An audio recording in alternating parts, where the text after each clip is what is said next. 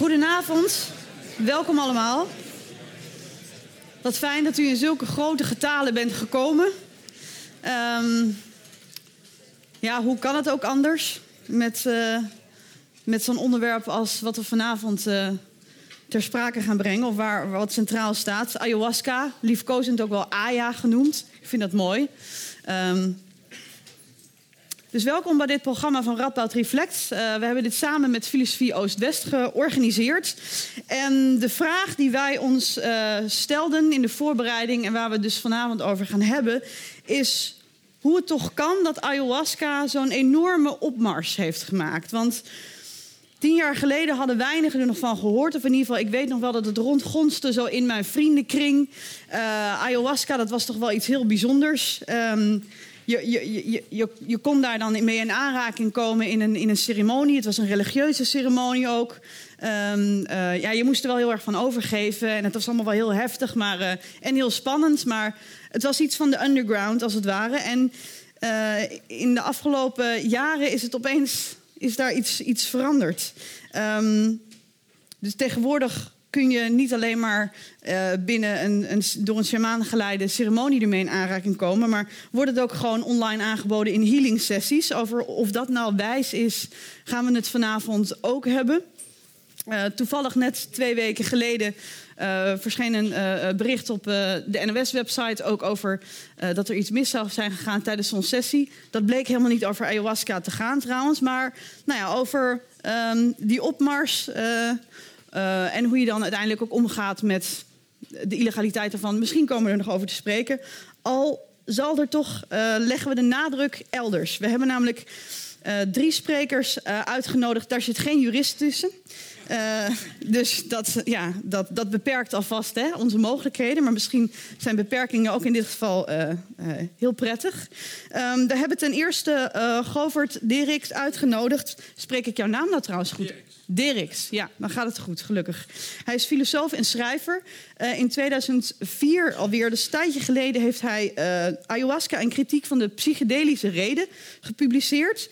Um, dat boek is inmiddels, dat is uh, helaas niet meer te krijgen, al hebben wij nog wel twee Duitse of drie Duitse vertalingen hier liggen. En uh, als u geduld hebt, uh, hij is samen met de andere spreker van vanavond, de andere filosoof-spreker, Pieter Lemmens, bezig met een heruitgave van dat boek. Uh, maar dat wordt dan een Engels, een Engels boek. Waarschijnlijk begin 2020 uh, verschijnt dat. Misschien dat er ooit ook nog weer een Nederlandse vertaling komt, maar vooralsnog, als u het wil hebben, kost dat iets van 130 euro via Bol. Um, goed.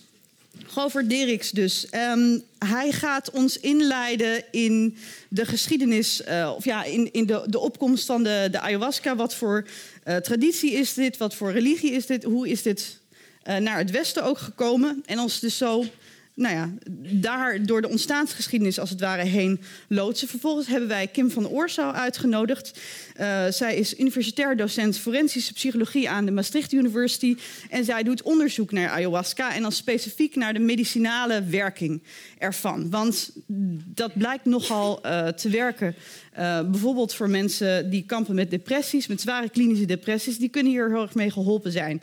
Dus uh, de, de, titel van de avond is dan ook Ayahuasca, een wondermiddel. Um, een beetje misschien zal, denk ik, het antwoord van de avond zijn, maar wat het dan in ieder geval wel kan. Uh, en ook wat het eigenlijk precies voor wat dit nou voor plant is, of meerdere planten, want het is er niet één, het is, het is een samenwerking. Daar zal zij ons uh, in inleiden. En tot slot hebben wij uh, filosoof Pieter Lemmens uitgenodigd. Uh, hij is als universitair docent verbonden aan het Institute for Science and Society van de Radboud Universiteit.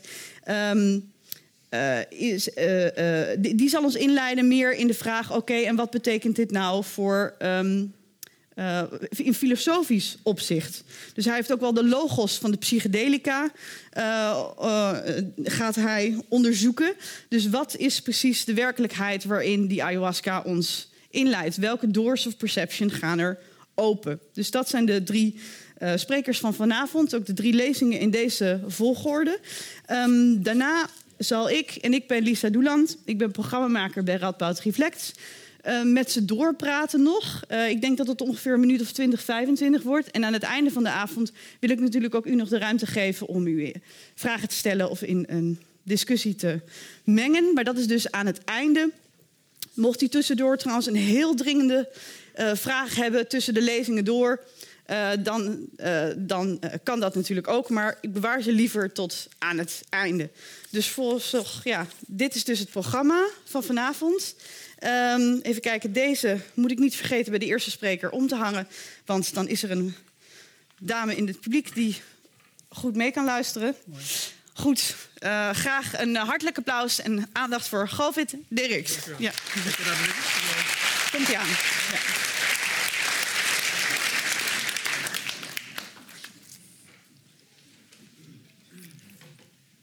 Ik ben uh, met name gevraagd om vanavond iets te komen vertellen over uh, religieuze aspecten van um, ayahuasca. En ik heb lang lang nagedacht over de vorm waarin ik mijn verhaal van vanavond zou, zou gieten. En met name de toon die ik zou willen aanslaan. De toon bij een ayahuasca-ervaring, bij het thema ayahuasca, is sowieso altijd heel erg belangrijk. Met name als ik even kijk naar de consternatie en het onbegrip de laatste tijd, in de, ook in de media. Dus uiteindelijk uh, heb ik uh, ervoor gekozen om um, mijn verhaal van vanavond te gieten in een, in een liefdesverklaring. En je zei net al, Aya, zo had ik hem nog niet eens bekeken. Maar Aya, het is een liefdesverklaring aan Aya. En um, mijn verhaal, ayahuasca, Aya, een liefdesverklaring, heeft ook een, een ondertitel over de controle van het oncontroleerbare. En ik ga dat gewoon aan jullie voordragen, dus zonder spannende PowerPoint, hoewel ik wel zit te wachten op de, de sheet van. Ja, daar moet je me even mee helpen. Ik ben geen klikker, dus. Uh... Kijk, dat doe ik uh, met liefde. Kijk. Kijk, daar zijn we, precies. Dan zien jullie meteen het boek dat, uh, dat nog wel in het Duits verklaart. Uh, nou, daar zeg ik straks iets over. Ayahuasca, een liefdesverklaring over de controle van het oncontroleerbare. Wellicht is het geen toeval dat ik ayahuasca in 1990 leerde kennen door mijn vrouw. In de Braziliaanse stad Fortaleza kwamen we op straat een jeugdvriend van haar tegen die ayahuasqueiro was geworden bij de União do Vegetal. Zei me op dat moment totaal niks. Dat is, vertelde die man, een religie waarvan de leden intussen tegen de 30.000 elke eerste en derde zaterdag van de maand tijdens groepssessies de thee ayahuasca drinken. Het verhaal van de man klonk uitdagend.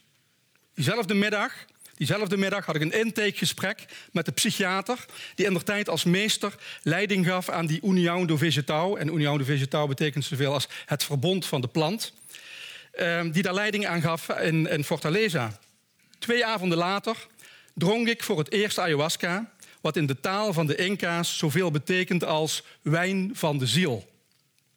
Sindsdien zijn er twee vrouwen in mijn leven mijn partner. En die thee die mij als een kosmische bliksemschicht op een totaal onverwacht en wonderlijk spoor zette, dat doorloopt tot op de dag, tot op deze avond, tot op de dag van vandaag. Nauwelijks had ik die eerste avond de drank tot me genomen of ik verliet kotsend de tempel. Bij de União do Vegetal wordt voor en na een sessie vaak goed getafeld. In tegenstelling tot wat we vaak horen van diëten. Kunnen we het straks nog over hebben. Rijst en bonen kwamen zelfs door mijn neus naar buiten. Ik wist niet eens tot op dat moment dat dat fysiologisch kan, maar dat kan dus. Ik was zelf in die tijd een cynische, atheïstische en nicotineverslaafde filosoof. En ook daarvan leek ik in één keer verlost. Achteraf voelde ik me als Paulus op de weg naar Damascus of als Nietzsche bij de steen van de eeuwige wederkeer. Het beroemde citaat van Shakespeare uit Hamlet: dat er meer is tussen hemel en aarde dan we met al onze filosofie kunnen dromen. Ik had nooit kunnen vermoeden dat ik het daarna zo vaak van stal zou halen. Het is ook vanavond mijn boodschap. De titelvraag van deze bijeenkomst, en dat is misschien wel een soort sessie zo. De titel, ik heb ooit een sessie met 350 mensen meegemaakt, daar kunnen we het ook straks nog over hebben de titelvraag van deze bijeenkomst, misschien wel een soort sessie. Is ayahuasca een wondermiddel? Die titelvraag die beantwoord ik dan ook graag met een volmondig, maar ook kritisch ja. Kritisch overigens in de betekenis van de filosoof Immanuel Kant. Kritiek betekent daar onderzoek.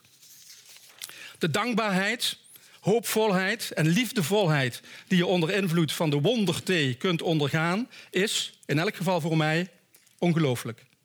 Experts zoals Stanislav Grof en Terence McKenna noemen ayahuasca een telescoop en microscoop voor het onderzoeken van de menselijke geest.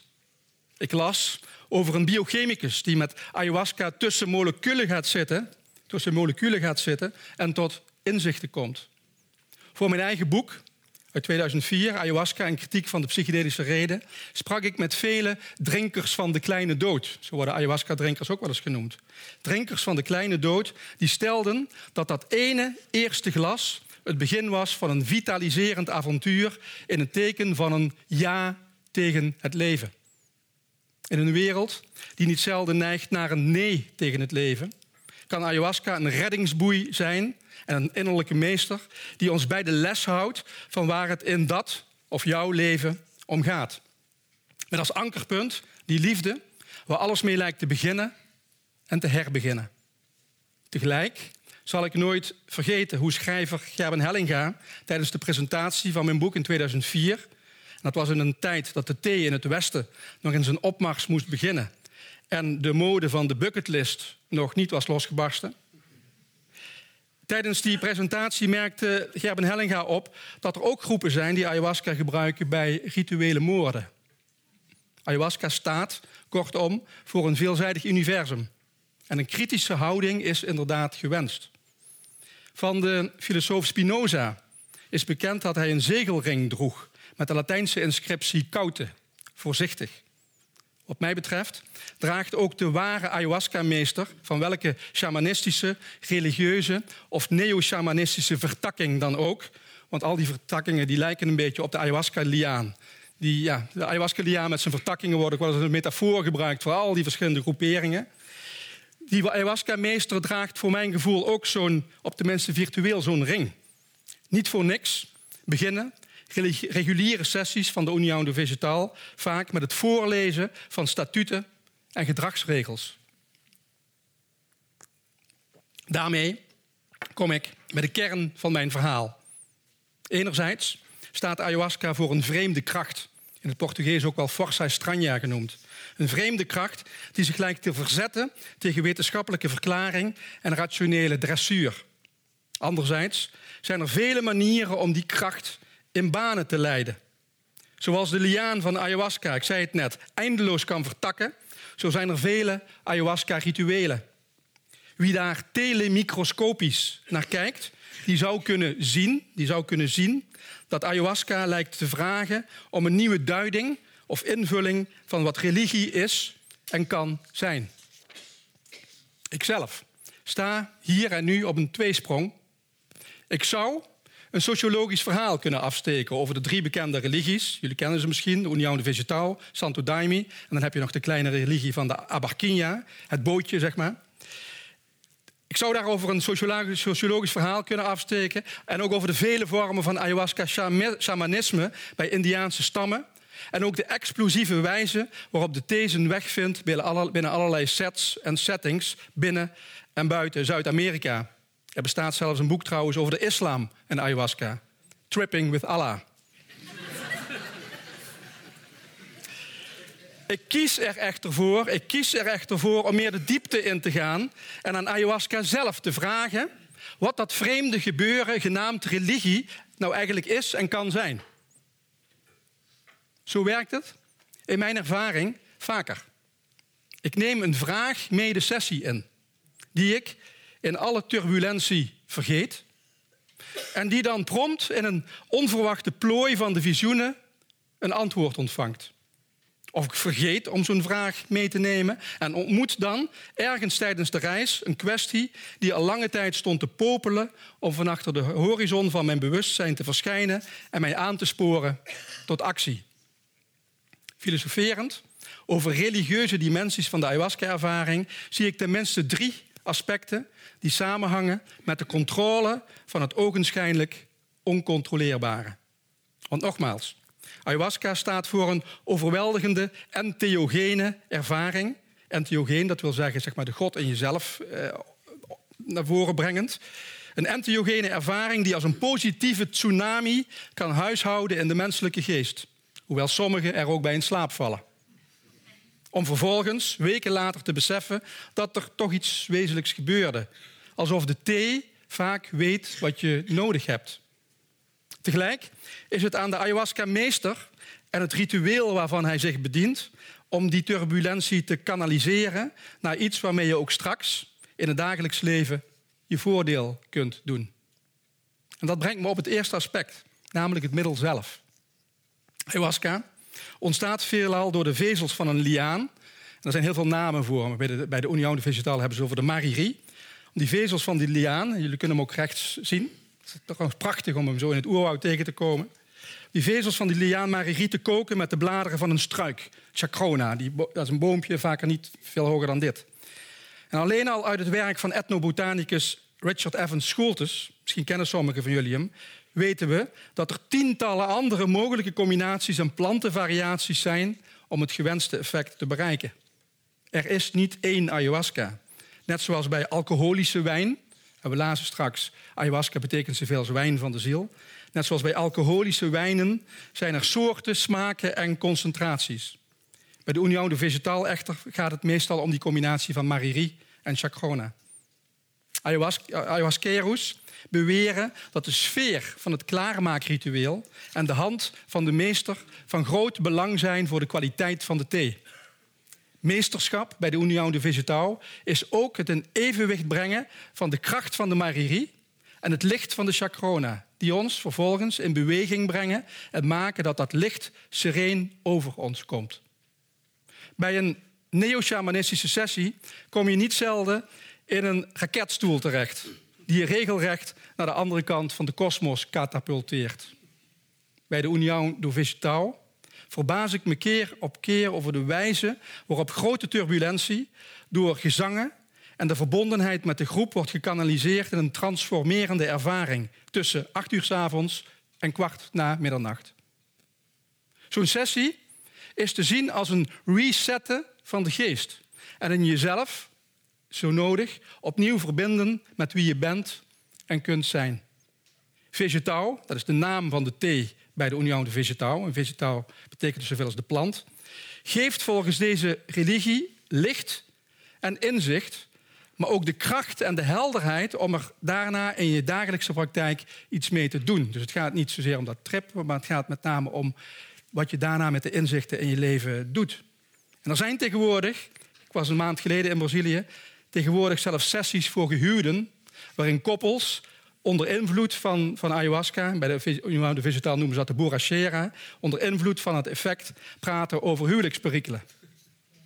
Dan heb je dus mannen en vrouw die hebben een conflict. Dan zegt de man tegen de vrouw, of andersom, ga jij maar eens een glas ayahuasca drinken. In het algemeen geldt dat de thee je met de neus kan drukken op fouten die je gemaakt hebt. En zulke peya's die je dan kunt krijgen, en peya betekent in het Portugese veel als kwelling, of je zou kunnen zeggen een bad trip. Juist die bad trips, die kunnen je aansporen om die fouten in je leven te corrigeren. En zo bezien lijkt ayahuasca in weerwil van de waarschuwing van zo iemand als Gerben Hellinga ook een uitgesproken ethische kwaliteit te hebben. Zelf ervaar ik vaak een verbondenheid met het goede, het ware en het schone. Ik ben dan nog een filosoof. Alsof ik aan de rand zit van een bron waaruit zulke platoonse universalia opborrelen en ik mijn leven, de ander en de wereld kan zien en evalueren in het licht van nieuwe mogelijkheden en oplossingsrichtingen. Ayahuasca als een onderzoeksinstrument par excellence. Aan universiteiten en andere instellingen de uitdaging om hier school mee te maken. Want ja, ayahuasca heeft iets van een school.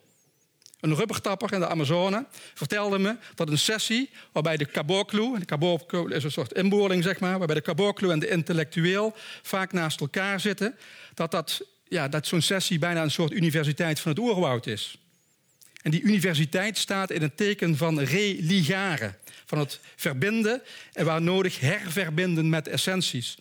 Als je in Brazilië met, met ayahuasqueros spreekt, dan is een van hun favoriete etymologieën van het woordje religie is het herverbinden. Dus wat klopt niet helemaal, er zijn verschillende interpretaties mogelijk. Maar de gedachte dat religie zoveel betekent als je herverbinden met iets, een hele interessante gedachte. Shamanisme zelf is te zien als een verbindings- of extase-techniek tussen hemel en aarde, daar en hier, binnen en buiten. Je zou bijna zeggen shamanen als virtuosen op de Jacobsladder. Indiaanse culturen zijn vaak doordrenkt van een natuurlijke verbondenheid met de omgeving. De nieuwe religies van Santo Daime, de União de Vegetal en Abarquinha ontstonden na de Tweede Wereldoorlog toen rubbertappers met hun christelijke en syncretistische en zelfs vrijmetselaarsbagage in contact kwamen met ayahuasca. Uit hun ervaringen ontstond een wonderlijk spectrum van rituelen met wondermooie verhalen en vergezichten die ook het Westen kan helpen wijzer om te gaan met dat gebied tussen hemel en aarde dat met elk zwart gat en elke gravitatiegolf raadselachtiger lijkt te worden. daarmee is iets gezegd over het tweede aspect. Naast ayahuasca als middel is er ook zoiets als ayahuasca als bron voor rituelen en religieuze contexten. Antropologen en voor de kenners denk ik dan met name aan mensen als Viveros di Castro en Eduardo Cohn. Antropologen beschrijven hoe de ayahuasca-ervaring bij Indianen bijdraagt aan een multinaturalistisch en perspectivisch besef waarin de bestaanswijze van mensen, planten, dieren en elementen gelijkwaardig naast elkaar bestaan. Ook dat is religieus of verbindingstechnisch te duiden. Hoewel ayahuasca hier vooral een leraar der leraren lijkt, die onderwijst in een soort impliciet religieuze manier van leven, waarin het, vooral ook voor het overleven, goed kan zijn jezelf te leren kennen door de ogen van een jaguar, een slang of een adelaar. Een expliciete religie als de União de Vegetal gebruikt ayahuasca om mensen te helpen om harmonisch en stabiel te leven.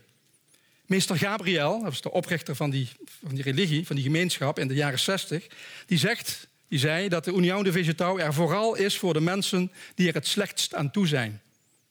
Niet toevallig vind je er veel leden met een verslavingsverleden. Ayahuasca als druk die van drugs geneest, als bevrijder van verslavingen en depressies en als een gids die helpt om thuis te komen in je eigen bestaan. Maar ook een medicijn waarbij commercialisering schuurt en dat in onbekwame handen behoorlijk uit de hand kan lopen. Reden waarom ik het initiatief van Nederlandse aanbieders om tot zelfregulering te komen toejuich. Die zelfregulering zeg maar, is een antwoord op de begrijpelijk onbegrijpelijke illegale status. Maar we gingen het niet over juridische dingen hebben. Met als advies om in dat proces naar zelfregulering op gezette tijden de thee zelf te raadplegen. Liefst een thee, gebrouwen door grootmeesters die zelf aanschuiven bij de zelfregulerende sessie. Een medicijn dat kan genezen van verslaving, kan ook helpen om het recht in goede banen te leiden. Subspecie ayahuasca, zeg maar vanuit het licht van de eeuwigheid van ayahuasca, zijn vrouwen justitia en vrouwen huasca op zijn minst familie van elkaar. Althans in mijn ervaring. En in zo'n licht zou het niet verbazen als zo'n sessie onder een gesternte van verbondenheid en verbroedering komt te staan. En al dus verschijnt naast middel en leer een derde en laatste religieus aspect van mijn verhaal, namelijk de gemeenschap. Ayahuasca inspireert niet zelden tot een community of practice, zoals het tegenwoordig vaak zo mooi heet. Van buitenaf gezien lijkt niet zo verleidelijk als de reductie van de thee tot een afvingbaar item op de individuele bucketlist. Ayahuasca-kenner Arno Adelaars vertelde me ooit over ayahuasca-toeristen die de Amazone overspoelen en maar geïnteresseerd zijn in één ding. Terwijl de thee toch ook staat voor een rijk vertakte kosmos van culturen en rituelen en vooral een ecologisch besef en respect voor het andere neocolonialisme en ayahuasca-porno liggen op de loer.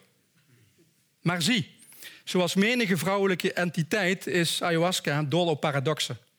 Zij zelf lijkt mede een oplossing voor de dreigende neerwaartse beweging, waarin de moord op de Amazone gepaard gaat met de ontvoering van het heiligste door westerse laboratoria en farmaceutische concerns. Ergens in de mystieke diepte schemert de hoop dat ayahuasca zichzelf beschermt. Tegen misbruik, tegen domheid, tegen hoogmoed. Naast de hemelbestormende visioenen en wijsheden van het middel en de soms bijna mathematische subtiliteiten van de doctrines van bijvoorbeeld de Union de Vegetal, staat ayahuasca ook voor een radicaal andere intelligentie, waarvan je soms de indruk kunt krijgen dat ze zich van ons bedient.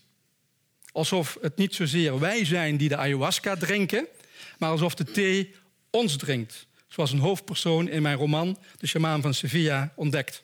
En dat boek is nog wel verkrijgbaar. En het boek is trouwens een liefdesver echte liefdesverklaring, besefte ik toen ik straks in de trein hier naartoe zat.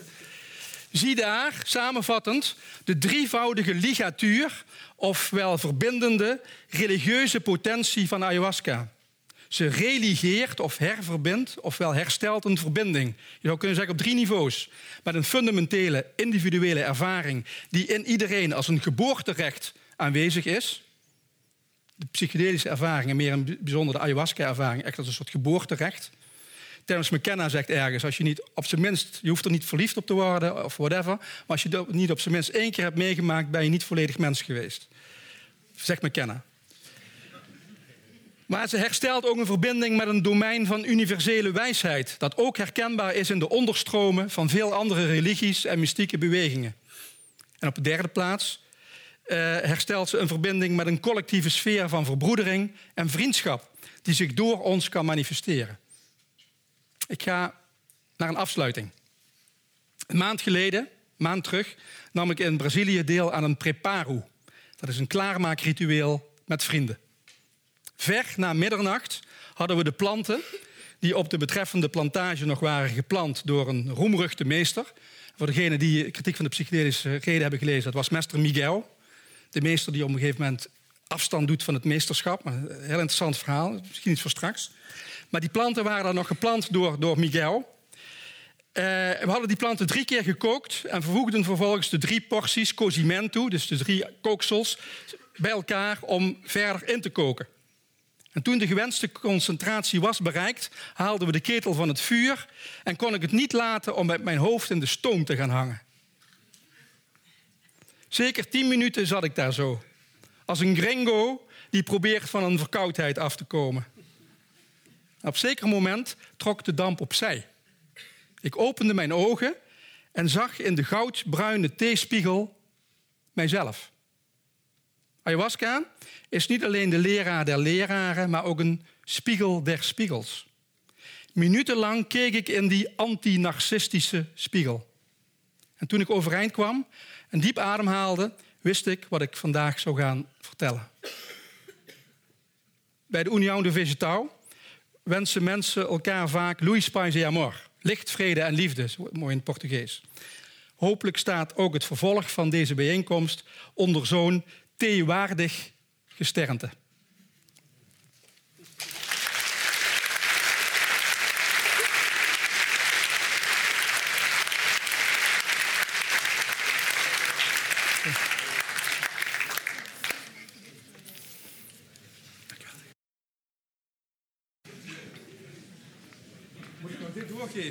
Ja. Moet je me even helpen, want ik kan het niet zien. Je kunt het Ja. Heb hem.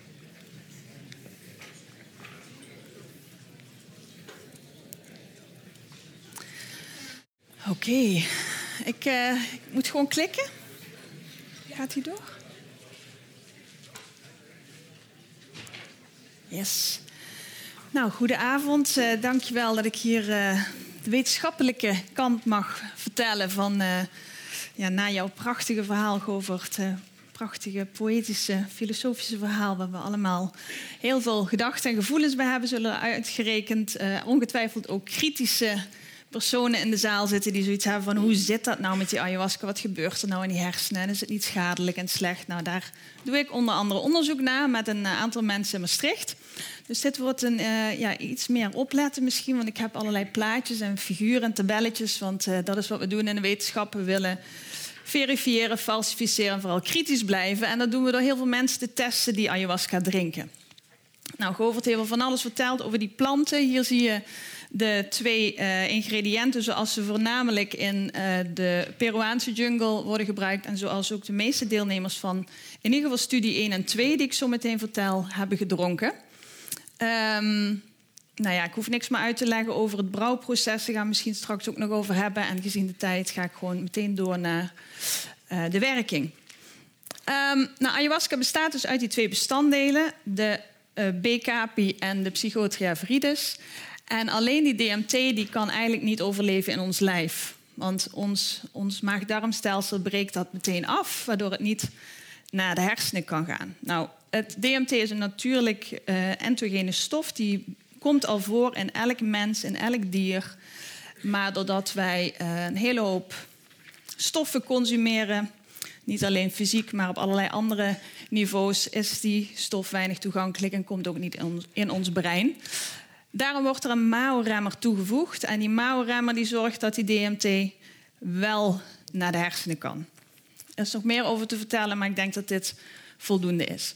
Op het moment dat die DMT in het brein komt, krijgen we dus dat effect van de ayahuasca. En uh, wetenschappelijke studies hebben laten zien dat dat verschillende soorten effecten zijn. Uh, Jordi Riba, een Spaans farmacoloog, heeft um, in MRI-studies laten zien dat er een enorme toename in hersenactiviteit optreedt als wij ayahuasca drinken. En dat noemt hij het farmacologisch effect. Dus er zijn drie structuren in de hersenen die actief worden. Dat is ons geheugencentrum, dus waar je herinneringen zijn opgeslagen. De amygdala, dat is ons emotiecentrum. En onze frontaal hersenen, en dat is ons actiecentrum. Ik ga dat even illustreren aan de hand van een voorbeeld.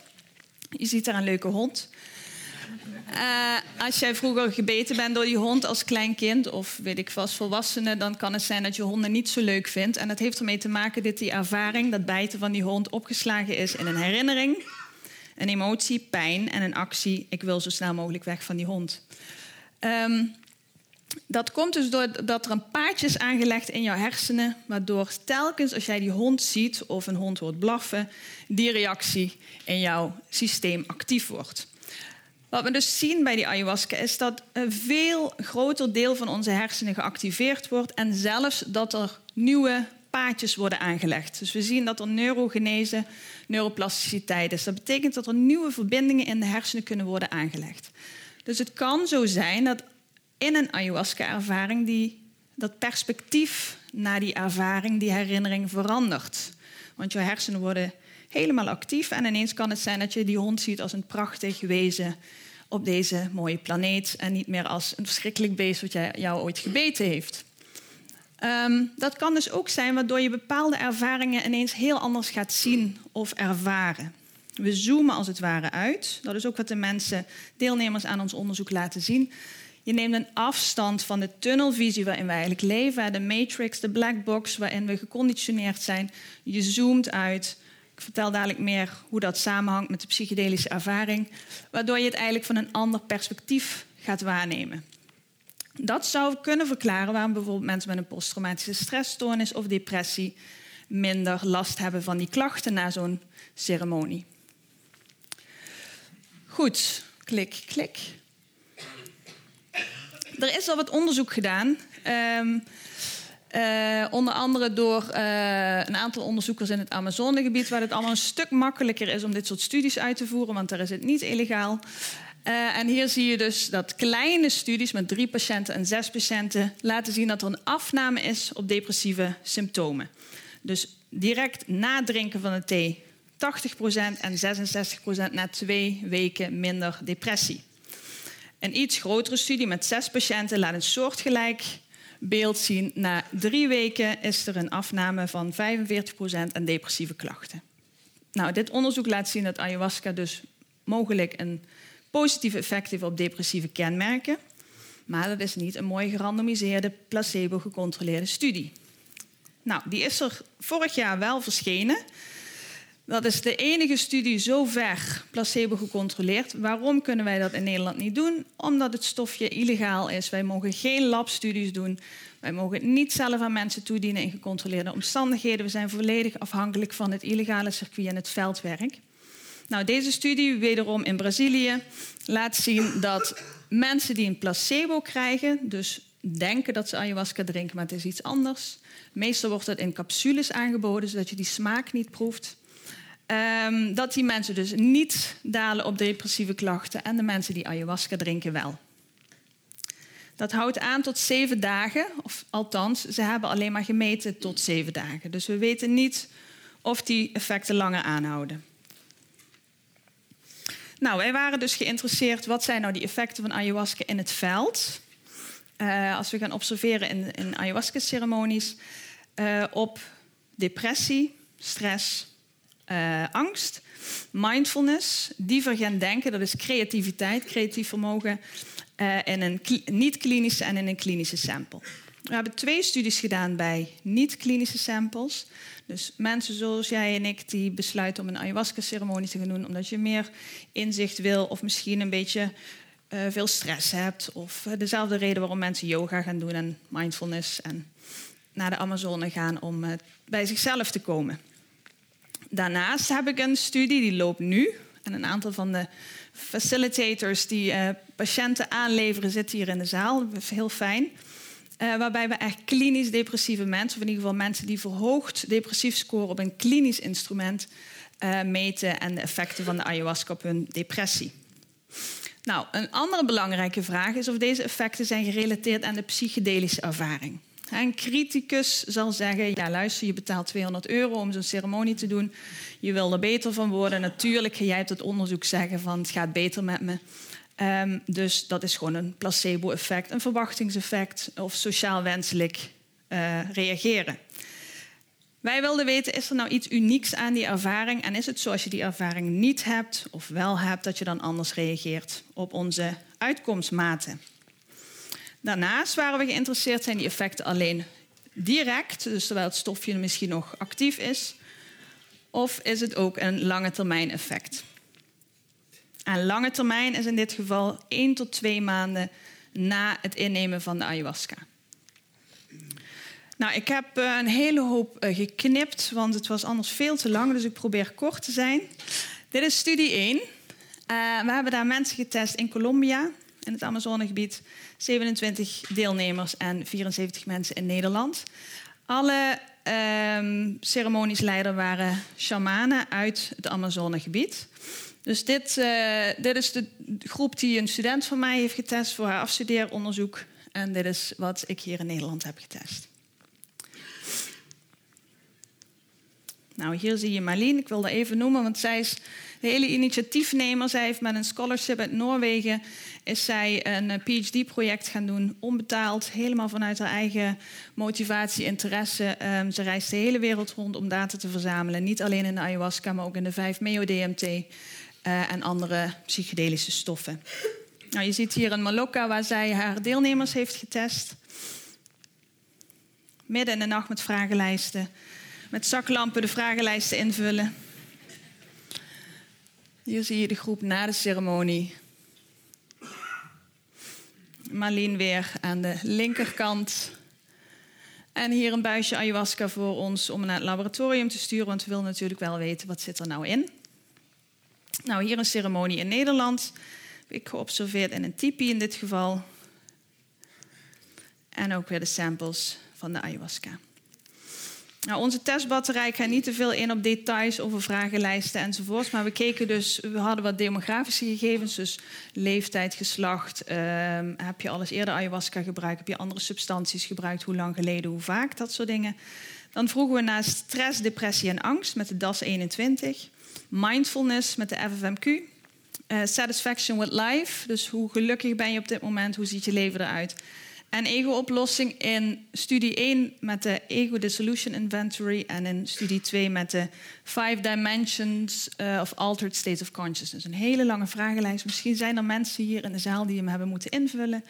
Heel lang was die. Dankjewel dat je het tot het einde hebt volgehouden.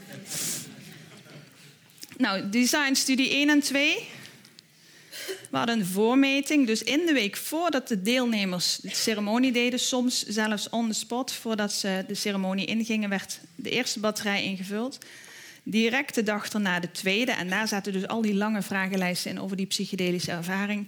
En na één maand kregen zij via de mail een link naar een vragenlijst. En de meeste mensen hebben dat rond zes weken na ingevuld. Sommigen meer dan twee maanden later. Nou, hier zien we de, de groep van in Nederland en Colombia. Het enige wat ik jullie even wil laten zien is hier interessant. Heb je al ervaring met ayahuasca? Dus je ziet dat het grootste deel van onze deelnemers al ervaring had met ayahuasca. Relatief weinig first-time users. Um, en een groot deel had ook al meer dan één ceremonie, uh, meer dan twee ceremonies gedaan. Nou, waarom gaan die mensen nou ayahuasca doen? Dat was ook een van onze vragen. Inzicht in mijzelf krijgen, problemen oplossen. Vrij weinig mensen zomaar omdat ze nieuwsgierig zijn, want het is toch best een heftige ervaring. Dus dat doe je niet voor een leuke trip, een avondje met je vrienden. En overig, um, ja, je ziet dat in Colombia er wat meer overige redenen zijn: spiritual growth en healing. In de tweede studie soortgelijke uh, cijfers, die laat ik niet zien. Anders lopen we te veel uit. Nou, interessant om te zien, even een uitleg van die grafiekjes, want ik laat er zo nog meer zien. Dit is dus de ceremonie, dit is de meting vooraf. Uh, het gaat hier over stress, dus je ziet een afname in stress direct na. Dat sterretje betekent dat het significant is, wetenschappelijk. En dat is ook significant nog na 30 dagen, na één maand, uh, een daling in stress. Dan zie je hier hetzelfde voor depressie, soortgelijk patroon, dus zowel korte termijn direct na als na 30 dagen een significante afname in uh, depressieve klachten. Nogmaals, het gaat hier om een niet-klinische sample, dus normale depressieve klachten, gevoelens van stress. Dan we, hadden we ook een toename in levenskwaliteit, alleen op de korte termijn. En in die mindfulness-schaal zitten allerlei subschalen. Dat gaat over observeren, awareness, oordelen um, en reageren op je eigen. Dus jezelf veroordelen en um, te snel reageren of veroordelen op je eigen gevoelens. We zagen hier alleen op non-judging, oeps, non-judging zagen we een uh, verbetering. Dus het niet oordelen over je ervaringen, je gevoelens, je emoties. Nou, dan die ego-oplossing waar ik het over had. Um, ego-oplossing betekent eigenlijk dat je het gevoel hebt, tenminste daar gaan die vragen over, dat je één wordt met iets dat groter is dan jij. Uh, dat je een gevoel van een, een, eenheidservaring hebt. En dat heeft ook te maken met het idee dat je uit je lichaam gaat of oplost in een groter geheel, je, de grenzen van je lichaam verdwijnen. En dat kan voor sommige mensen een hele angstige ervaring zijn en voor sommige mensen is het het mooiste wat er is. Dus afhankelijk van waar je vandaan komt, maakt dat dus of een ayahuasca-ervaring voor jou angstig is of uh, prettig. Nou, interessant is dus om te zien dat hoe meer ego-oplossing mensen ervaren in deze studie, hoe uh, meer die daling op stress en op depressie is. Dus er is een verband uh, tussen de psychedelische ervaring en de positieve uitkomsten in deze eerste studie. Nou, het gaat allemaal om replicatie natuurlijk in de wetenschap. Kunnen we dit opnieuw aantonen? Dus we hebben een tweede studie gedaan. Is nog niet opgeschreven. De eerste studie is intussen gepubliceerd in Journal of Psychopharmacology. Wat we hebben toegevoegd aan deze tweede studie is dus die lange vragenlijst. Dat is Altered States of Consciousness. Ingewikkeld om dat te vertalen, dus ik heb het gewoon even laten staan. Al die subschalen. Dus het gaat met het gevoel van eenheid, spirituele ervaring, inzichten, het uit je lichaam gaan. Dit gaat meer over de complexe patronen die je ziet en audio, audiovisuele versmelting uh, van zintuigen en een change meaning of perception. Dus het zijn een hele hoop schalen en daarbinnen liggen weer een aantal dimensies, waaronder oceanic boundlessness. Ja, dat staat ook weer een beetje vergelijkbaar met die eenheidservaring. Nou, we vonden in studie 2 eigenlijk het soortgelijk uh, soortgelijke dingen als in studie 1. We zagen alleen een iets minder sterk effect in de afname in depressieve klachten. Overigens had het ook te maken met landeffecten. Dus de eerste sample hadden we een groep in Colombia en een groep in Nederland. En de mensen in Colombia die zijn, die waren van zichzelf al minder gestrest en uh, depressief. Dat kan je je misschien voorstellen als je in de jungle woont, vergeleken met hier. Uh, en studie 2 hadden we een groep van Nederland en een groep uit Tsjechië. En daar zagen we ook verschillen. Nou weet ik niet zo heel veel over de cultuur daar. Waarom het zou kunnen zijn dat mensen daar minder gestrest zijn of uh, lagere, hogere levenskwaliteit hebben. Dus dat zijn ook effecten die we terugvonden in ons onderzoek. En als je uit, op die country effecten gaat uitsplitsen, dan neemt je sample size dus af. Dus onze N werd daardoor kleiner. En dat zou ook kunnen verklaren waarom die effecten wat minder zijn. Wat we wel zeggen in die studie 2 is ook een afname in angst op lange termijn. Wat je eigenlijk ziet, en daar ga ik zo meteen ook nog over hebben, is dat op korte termijn angst vaak toeneemt. En dat heeft weer te maken met hoe, hoe eng je dat vindt, wat je allemaal ervaart, wat we niet kennen. Nou, mindfulness nam ook toe, ook weer op, opnieuw dat non-judging, dus niet oordelen over jezelf. Levenskwaliteit zien we alleen op de korte termijn een verbetering. En uh, in deze studie vonden we geen effecten van ego-oplossing. En we, we, hebben er deze week nog over zitten speculeren, wat dat zou kunnen zijn. I don't know. Zijn we nog naar het kijken? Misschien zitten er nog rare figuren in die er nog uit moeten. Ik weet het niet. Uh, het is, um, het is uh, ja, replicatie belangrijk, geen ego-oplossing in deze studie. Maar wel die 5D die hebben we erbij genomen. En die ego-dissolutie zijn eigenlijk maar vijf vragen. En die 5D, dat zijn 94 vragen voor al die subschaaltjes die ik zojuist liet zien. Nou, wat we dus hier zien, en uh, waar ik het net over had, we zien positieve relaties tussen angst en stress. En ook angst, dus deze factoren op die vragenlijst. Dus als mensen hoger score of hogere ervaring hebben van angst, uh, uit je lichaam treden, geen controle meer hebben, cognitieve verstoringen, dan scoren zij dus direct na het drinken van die thee hoger op stress en angst. Dus dat geeft aan dat die ervaring dus best wel angstig kan zijn voor mensen. Op de lange termijn waren die effecten verdwenen, dus alleen korte termijn. Um, wat je ziet, wat je ook zag, is dat er een positieve correlatie was tussen depressieve klachten en weer dat gebrek aan controle en angst. Nou, we hebben allemaal heel veel behoefte aan controle hier in het Westen. Die valt weg en heel veel mensen vinden dat niet fijn. Andere mensen vinden dat fantastisch. Um, wat we wel zagen is dus dat er wel een negatief verband is tussen depressieve klachten en de mate van inzicht en bliss. Ja, bliss, wat is nou de goede vertaling daarvoor? Gelukzaligheid. Gelukzaligheid, precies. Dus als mensen meer inzichten kregen tijdens die reis en meer een gelukzalig gevoel hadden, dan scoorden ze vervolgens lager op die depressieve klachten. Dus die hele ervaring en hoe, je, hoe dat ervaren wordt, is wel belangrijk. En daarom denk ik ook dat de voorbereiding zo belangrijk is. Niet alleen dat dieet vanwege die effecten, maar ook van wat kun je nou verwachten. Uh, hoe ga je met angst om? Uh, dingen die je niet kunt voorspellen als je geen controle hebt. Dus mensen voorbereiden en vervolgens ook die hele integratie achteraf. En gelukkig zijn heel veel instellingen daarmee bezig om daar protocollen in te ontwikkelen. Dus hoe angstiger de ervaring, hoe minder de positieve effecten. Werkt het voor iedereen? Nee. Nou ja, dan de klinische studie. Uh, die loopt nog. Dus het zijn voorlopige resultaten met een relatief kleine sample size. De mensen druppelen mondjesmaat binnen. En een groot deel van de mensen blijkt dus toch niet klinisch depressief te zijn. Dus die heb ik eruit gehaald. Dus hier zitten echt alleen de mensen in die mild tot ernstig depressief scoren op een klinisch instrument. En dat heet de Back Depression Inventory. Nou, hier kun je dus zien voor de ayahuasca hoe mensen scoren op die BDI. Dit is dus de ceremonie. Ze dalen en daarna gaan ze een klein beetje omhoog. Blijft nog steeds net significant. Uh, hier zie je de, de, de, percentages. Dus voor de ayahuasca heeft dus iedereen een milde of een matig ernstige depressie. Na de ayahuasca heeft 62% geen depressie meer. De, deze groep heeft nog mild of matig. En na één maand heeft 58% geen depressie meer. 20 nog een milde depressie en 25 nog steeds matig tot ernstig. Dit zijn drie personen die niet reageren op de ayahuasca in positieve zin. Dus die veranderen niet over tijd. De reden waarom dit ietsje omhoog gaat is omdat ik van één persoon nog niet de vragenlijst terug heb. Dus uh, de verhouding uh, ligt iets anders. Nou, dat loopt dus nog binnen, deze um, data.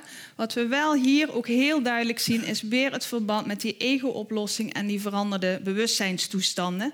En hier zie je dus dat die hele afname in depressie op die BDI te maken heeft met ego-oplossing, het gevoel van eenheid, spiritualiteit, gelukzaligheid en inzicht. En die correlaties zijn heel sterk. Ja, voor de niet-wetenschappers snap je die getalletjes misschien niet, maar er is altijd een negatief verband.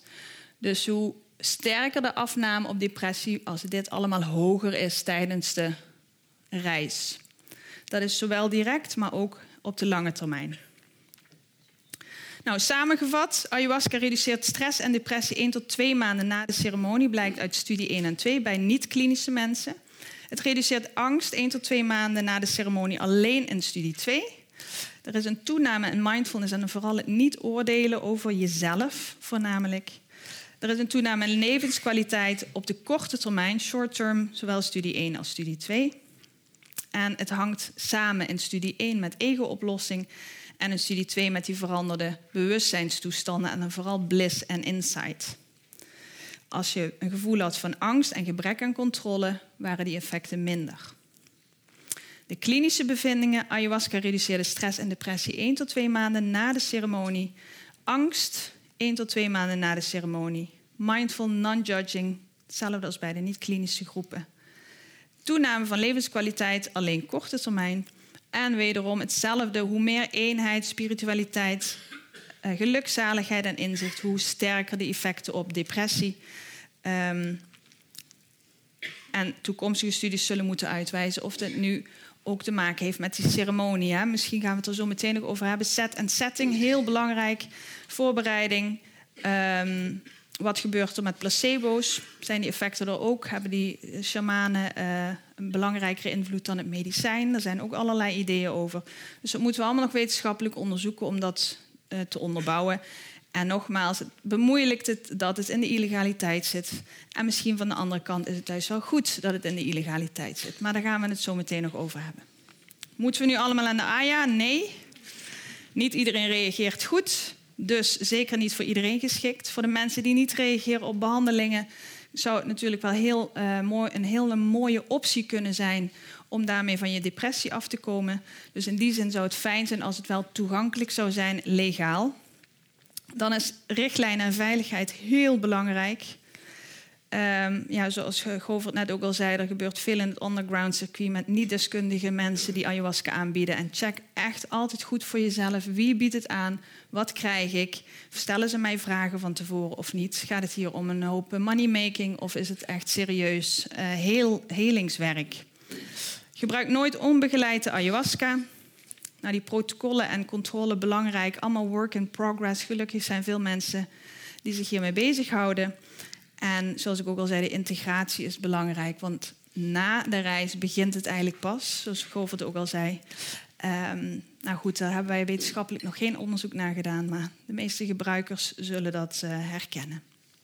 Dat was mijn verhaal, dankjewel.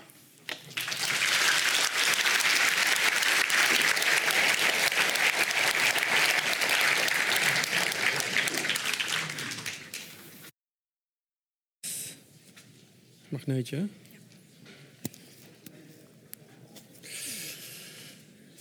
Oké. Uh, wat mooi dat jullie in zulke grote getalen zijn komen opdagen. Het is echt uh, geweldig, uh, fantastisch. aan mij de taak om de filosofische dimensie te belichten. Ik ben filosoof, maar ik kan u wel vertellen, ik heb geen antwoorden, alleen maar vragen. En dat is wat filosofen over het algemeen doen, vragen stellen. Ik zal iets over mezelf vertellen.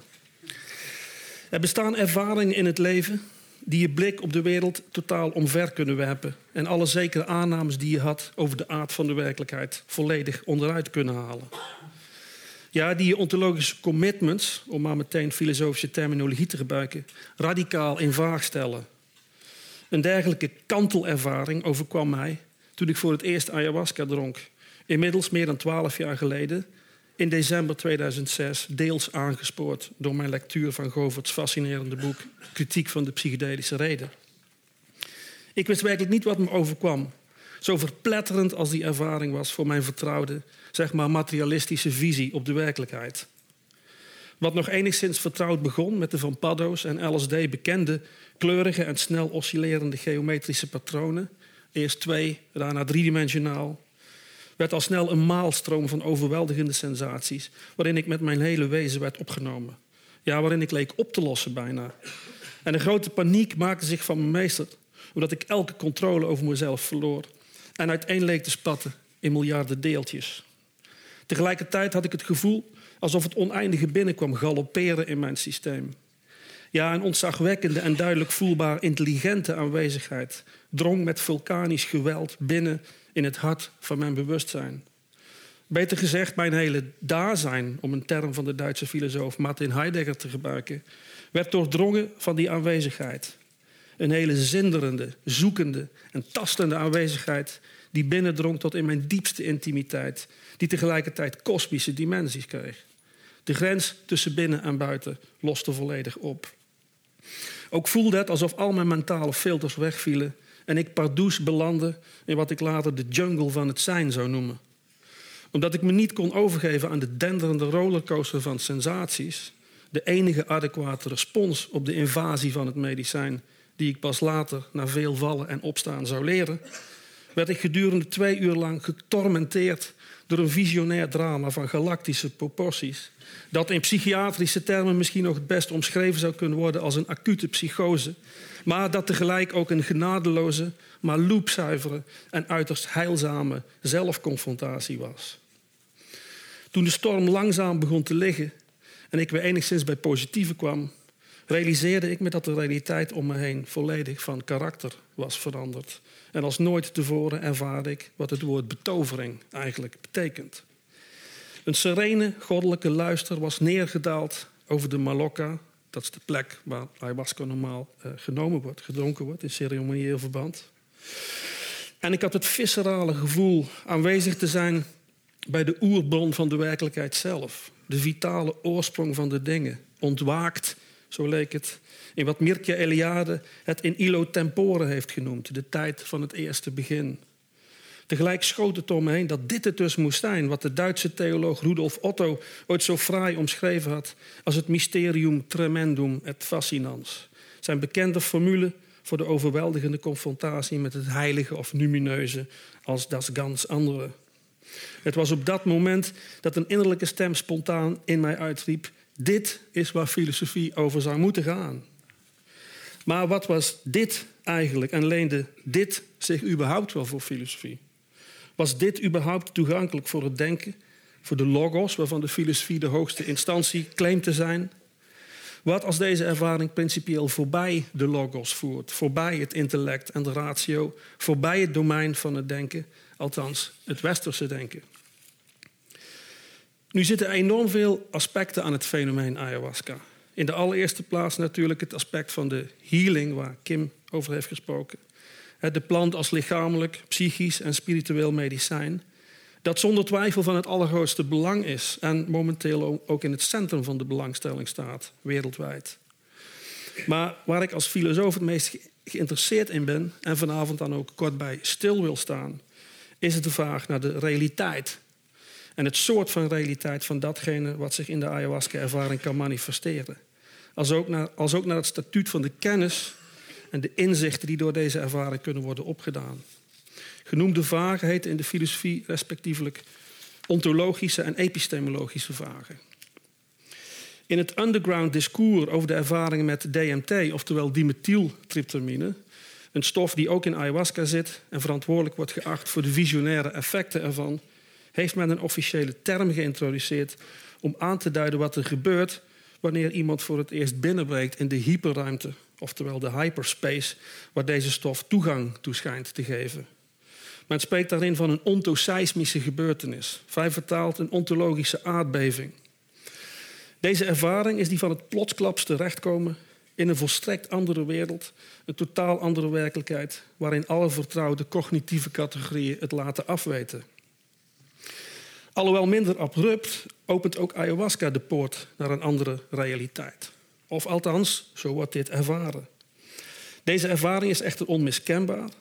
En niet zelden wordt er door ayahuasca ontsloten werkelijkheid ervaren als zijnde werkelijker dan de normale werkelijkheid. Oorspronkelijker, fundamenteler, wezenlijker. En in deze andere werkelijkheid kunnen bovendien allerlei entiteiten worden ontmoet. Niet in de laatste plaats de geest van de plant zelf. Kunnen andere tijdsdimensies en levensfasen worden bezocht kunnen ook diepe ethische inzichten over het leven worden opgedaan en fundamentele waarheden over de natuur en de kosmos worden aanschouwd. No less. In de literatuur over psychedelica wordt hierbij meestal gesproken van veranderde bewustzijnstoestanden. Maar de meest intrigerende vraag is natuurlijk of die ook werkelijk toegang geven tot andere realiteiten. Of laten we meer filosofisch zeggen, andere ontologische dimensies. Daar zijn de meningen uiteraard over verdeeld. De meest gangbare interpretatie zegt dat het hier niets anders betreft dan hallucinaties. En dat wil feitelijk zeggen illusoire waarnemingen, veroorzaakt door een tijdelijke verstoring van de neurochemie in de hersenen.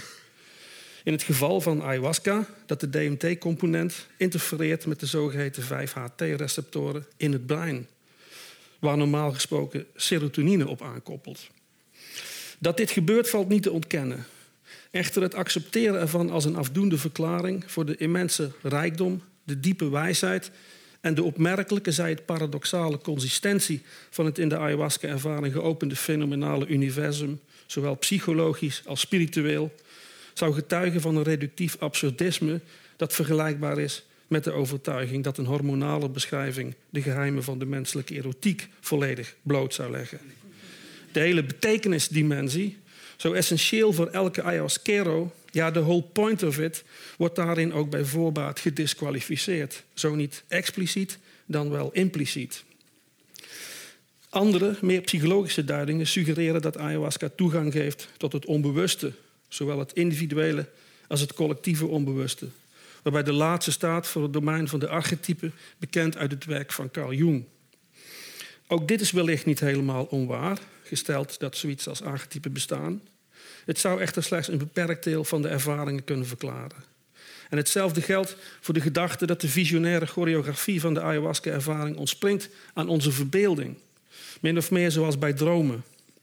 Het is zeer onwaarschijnlijk, denk ik, dat de onmiskenbare autoriteit van datgene wat ayahuasca uh, laat verschijnen, laat staan de autonome intelligentie waarmee ze zich manifesteert, een product zou kunnen zijn van onze verbeelding.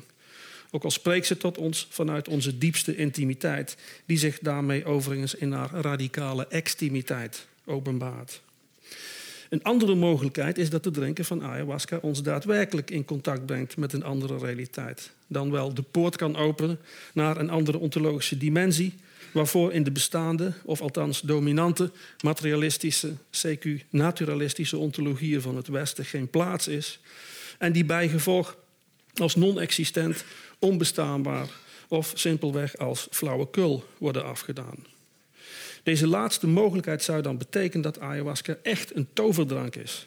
Niet zozeer in de zin van een wondermiddel tegen depressie en andere psychosociale problemen, zoals verslavingen van allerlei aard, maar vele malen mooier en wonderbaarlijker nog, als een onvermoed transportmiddel naar een andere wereld. En daarmee ook een gelegenheid, ja een uitnodiging, afkomstig van een heel andere plek op deze planeet. Het Amazonegebied, om op een ongekende wijze kennis te maken met een heel andere vorm van in de wereld zijn. Heidegger.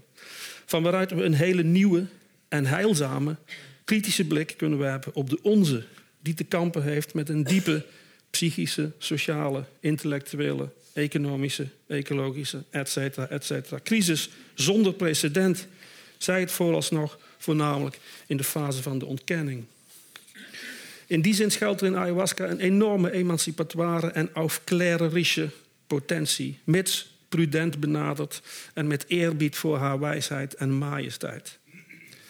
Ik zou willen beweren dat elke neurologische en psychologische duiding, ja überhaupt elke antropocentrische interpretatie van ayahuasca tekortschiet.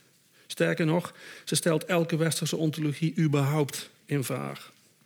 En juist dat maakt haar filosofisch gezien zo ontzettend interessant. Nu wil ik hier beslist niet een welbepaalde duiding voorstellen, want die heb ik niet, jammer genoeg. Eerlijk gezegd wordt het raadsel dat ayahuasca voor mij vertegenwoordigt groter naarmate ik er meer bekend mee raak. Zeker is dat ze voor mij persoonlijk een voortreffelijke leerschool is geweest.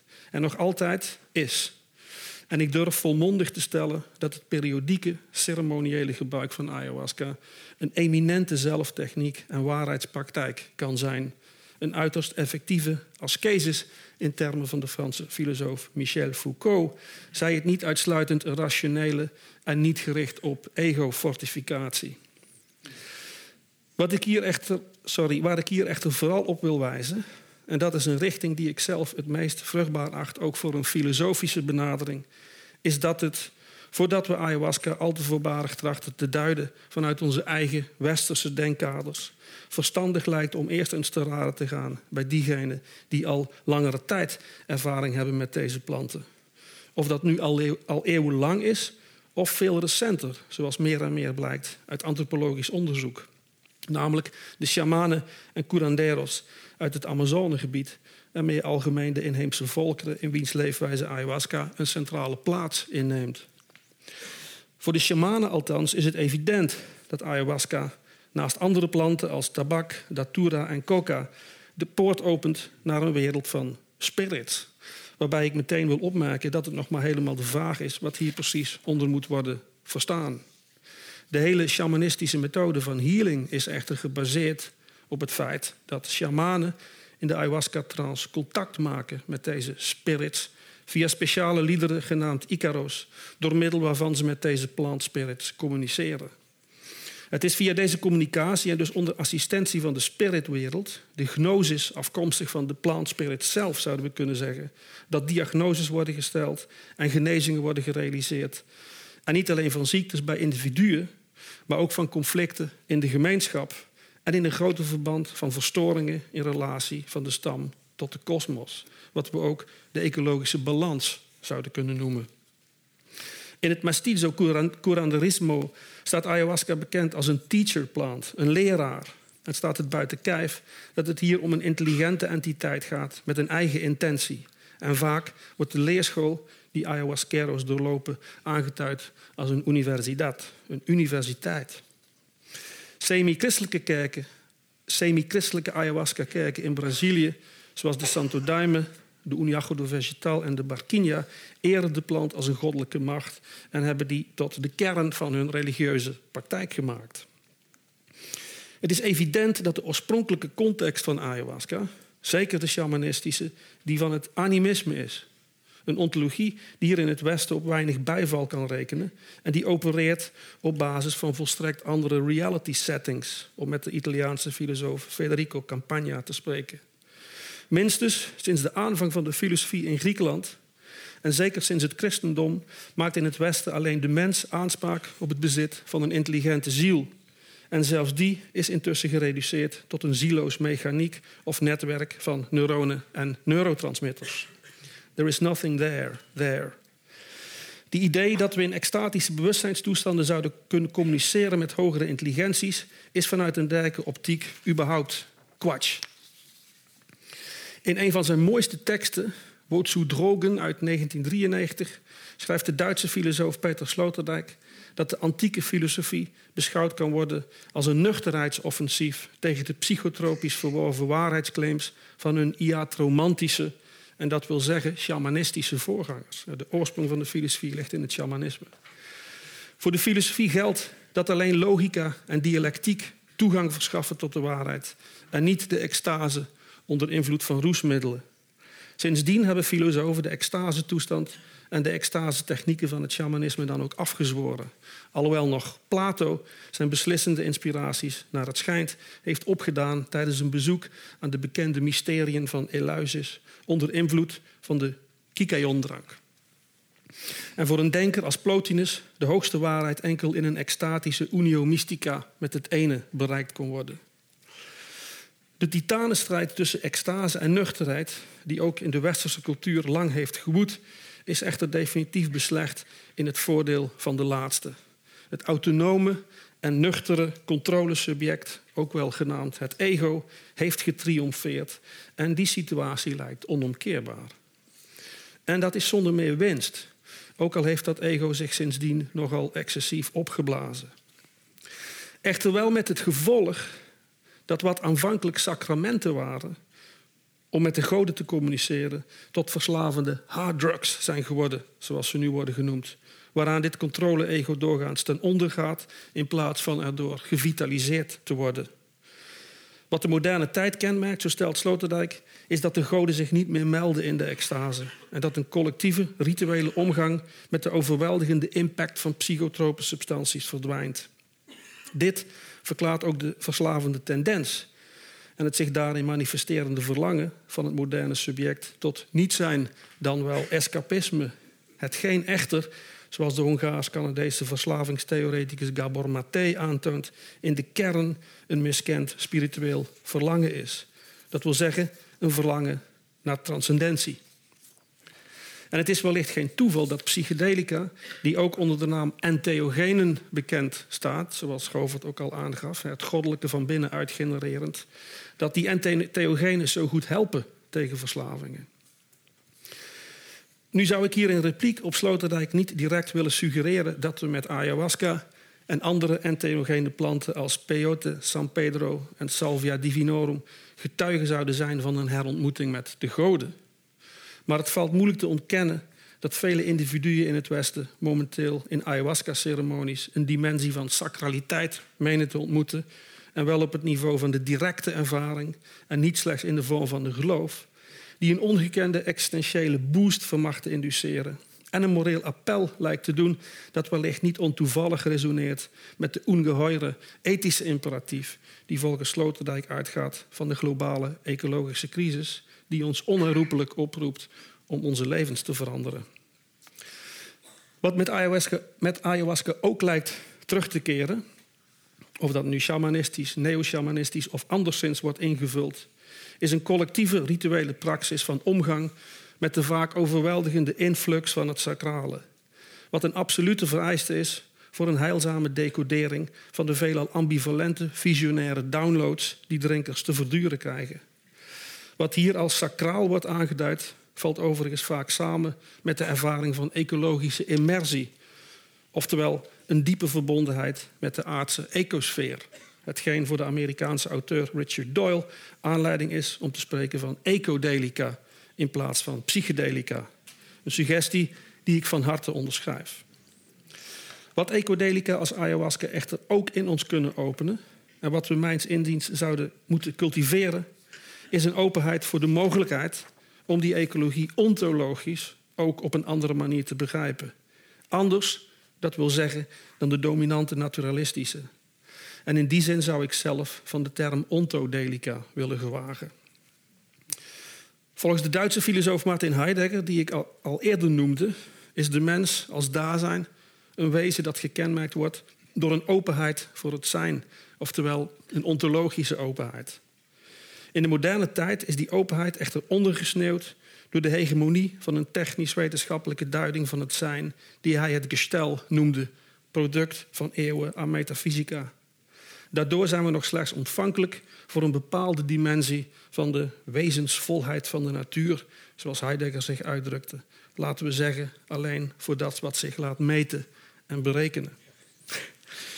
Het is mijn overtuiging dat een open-minded, doch kritische en behoedzame eco, dan wel psychedelische zelfpraktijk, vanzelfsprekend in collectief verband, wezenlijk kan bijdragen tot het cultiveren van een ontologische ontvankelijkheid, ofwel openheid voor wat we met Heidegger andere zijnservaringen zouden kunnen noemen, andere relaties tot de natuur voor mijn part.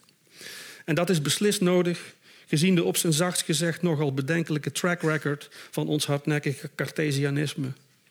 Naast een noodzakelijke bezinning op de antieke bronnen van ons technisch-wetenschappelijke zijnsverstaan, à la Heidegger, zie ik een mogelijke additionele optie voor het westerse denken, indachtig haar destructieve impact op de aarde tot dusver, in het zich openstellen voor heel andere wijzen van zijnsverstaan, die zich hebben ontwikkeld op heel andere plaatsen op deze aardbodem, in heel andere delen van de planetaire noosfeer.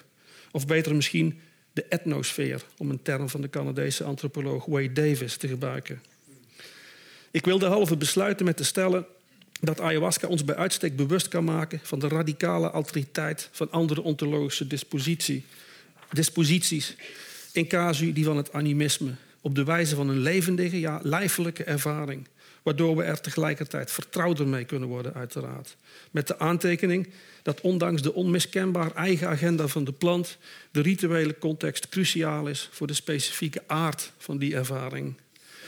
We zouden in termen van de Britse filosoof Timothy Morton deze opmerkelijke non-human agent, deze extreem vreemde strange stranger uit het Amazonegebied, dan ook moeten verwelkomen in ons midden.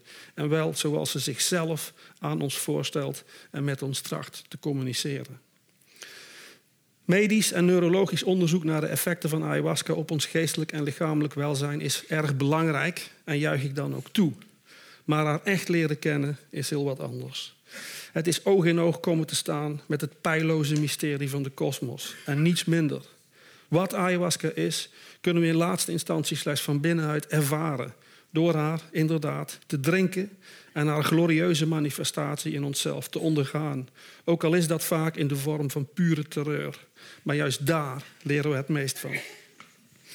Net als alle psychofarmaca echter, en filosofen weten dat ook het schrift en feitelijk alle technische media waar we tegenwoordig permanent door gedrogeerd worden, daartoe behoren, is ayahuasca potentieel zowel een medicijn als een gif. Ze kan wonderen doen, maar in verkeerde handen ook de nodige schade aanrichten. Ten opzichte van de shamanen en de curanderos zijn we wat betreft de omgang met deze krachtige sacramenten in de westerse cultuur momenteel feitelijk nog als kleuters. Maar als we receptief zijn voor haar strenge, doch louterende didactiek, dan heeft ayahuasca een enorme helende als ook verlichtende potentie. Daar ben ik heilig van overtuigd. Ik dank jullie voor jullie aandacht.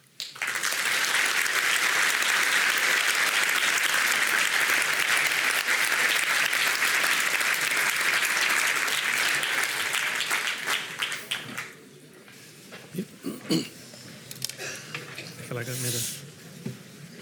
Even kijken. mooi. Ja. Ja? Wij gaan er nog even over doorpraten. Oh ja, graag. ja. Lisa? Ja, lekker. Ehm, wij gaan er nog even over doorpraten. Oh, sorry. Over die ayahuasca. U begon er al mee. Zet de, zet de gesprekken straks onderling vooral voor in het cultuurcafé. Ehm, maar ik hou hem nu eventjes hier, tussen jullie drie. En eh, eh, daarna betrek ik u er voorzichtig bij. Laten we beginnen nog wat dieper in te gaan. Of ten eerste bedankt voor drie heel rijke lezingen. Ehm, ik zou graag in gesprek een aantal dingen aanstippen ehm, eh, die jullie, waarin jullie misschien overeenkomsten of waarin bepaalde verschillen zitten. Eh, ten eerste, ehm, eh, in jouw lezing, eh Govert, merkte u op dat een, een wetenschappelijke benadering van ayahuasca dat dat een hele lastige is. Dat is natuurlijk wel wat jij in je onderzoek probeert te, eh, te Mhm. doen. Ehm, Ja, de ayahuasca zet in feite de hele notie van wat wetenschap is ook op losse schroeven. Hè? Ja. Ik heb alle respect voor de westerse visie op, op, op wetenschap. Maar eh, shamanen in de Amazone, die een beetje zeg maar, westerse talen spreken... of, of mensen binnen de Union de Vegetal hebben heel duidelijk zoiets van... Ja, ayahuasca is gewoon een andere wetenschap. Het is misschien een, net zoals de, je hoort zeggen van God, als je ayahuasca drinkt, kom je, kom je in een andere werkelijkheid. Misschien, eh, waarvan sommige meesters zeggen, dit is de werkelijkheid. En die Ja. ervaring die kun je op een gegeven moment ook hebben, van, alsof het werkelijker is dan deze werkelijkheid. Daarom zou dit ook veel spannender zijn als we zeg maar, allemaal iets gedronken zouden hebben. ik zei dat straks, je moet je dus inderdaad voorstellen, een sessie met 350 mensen, allemaal tegelijkertijd een glas in de hand.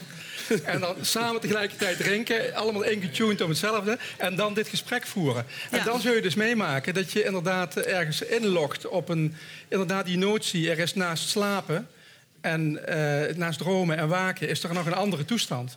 En die is een realidaatje, in het woord real is het koninklijk. Die is zeg maar majesteitelijker, je gebruikt het woord dan... Dan, dan deze manier van Ja, kijken. En dat is maar- dus heel, maar goed, en dat is dus een andere vorm van Dat snap ik. Maar toch, eh, Kim, lijkt jij daar naar deze ervaringen eh, onderzoek te kunnen doen waar je iets mee kan? Of is dit, is dit een soort spanning die je, je hebt zelf ook ayahuasca gebruikt? Is dit een soort spanning waarvan je zegt: ik snap dat wel? Dus de, de manier waarop ik onderzoek doe, of het onderzoek doen überhaupt, daarin kan ik nooit helemaal erbij komen of die, die ervaring communiceren. Kun je daar iets over Ja, zeggen? Nee, dat klopt.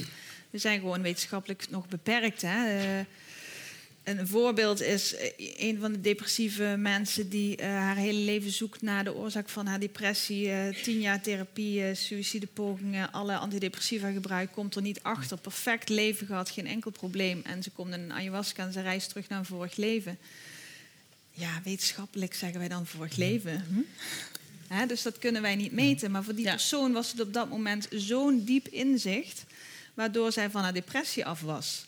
Kijk, dat, zijn, dat is al een beperking waar je tegenaan loopt. Ja, dan heb je de, de, wat, wat die shamanen of curandera's doen. Die gebruiken Icaro's, die, eh, die, die doen van alles tijdens zo'n ceremonie. Maar wij hebben geen idee, we kunnen dat niet meten wat dat voor een effect heeft. We kunnen natuurlijk wel een, een experiment doen waarbij we mensen zonder ceremonie gewoon klinisch op een bedje, zoals dat in de jaren 70 is gedaan, DMT geven, ayahuasca, en dan kijken, is het effect er ook? Ja. Die studie, overigens, die placebo-studie, heeft dat wel zo gedaan. Dus die hebben niet het hele ritueel ceremonie gedaan en die vonden toch het- het effect van het medicijn. Ja. Maar goed, er zijn dus heel veel factoren die je niet kan onderzoeken of isoleren, wat het moeilijk maakt. En zeker omdat we het niet klinisch kunnen toetsen, waardoor er heel veel ruis ontstaat. Ja. Heb je, heb je wel eens een discussie over jullie onderzoek gedaan onder invloed? Dat zou heel interessant kunnen zijn.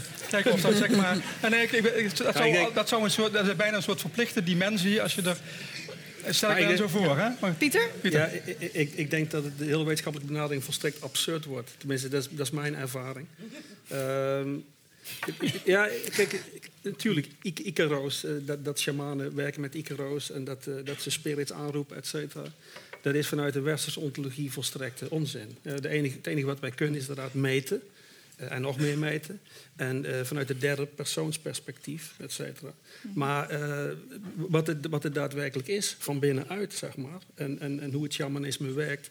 Ja, dat, dat, daar kunnen we wetenschappelijk gezien echt niet bij. Never ever. We kunnen daar hond- honderdduizend jaar aan meten. Maar ik denk, ik denk dat het ons niet heel veel verder zal brengen. Ik vind het ook behoorlijk pretentieus zeg maar, van de westerse wetenschap. Eh, eh, om eens even vanuit, eh, om, om, om eens even vanuit onze ontologie duidelijk te maken van wat het nou eigenlijk precies is. Maar vind jij het dan Mijn- mijn- problematisch, Pieter, dat onderzoek wat Kim Nee, doet? ik vind, het, ik vind het niet problematisch. maar het is maar één aspect, zeg maar. En het, het, het is maar een hele kleine dimensie, zeg maar, die daardoor gepakt kan worden. Denk ik. Ja, de en vraag is ook shamanen zijn al, ja, ik weet niet. te- Tegenwoordig, antropologen laten steeds meer zien dat ayahuasca eigenlijk helemaal niet zo oud is. Ik, ik, ik weet niet, ik kan dat niet beoordelen. En wat is niet zo oud dan? Hoe oud is het dan wel? Nou ja, je hoort, je hoort vaak, als je daar pas mee in aanraking komt, ja, dat, dat gebeurt al duizenden jaren. Eh, nou, dat, dat, dat, dat, dat is nog maar helemaal te vraag natuurlijk. Eh, ik bedoel, de eerste keer dat het eh, eh, werd ontdekt is volgens mij eh 17e, 18e eeuw. Dat ze voor het eerst zeg maar, daadwerkelijk bewijs hebben. Eh, ja, 16, ja, 1638 hoor ik hier. Ja, ja. Dus...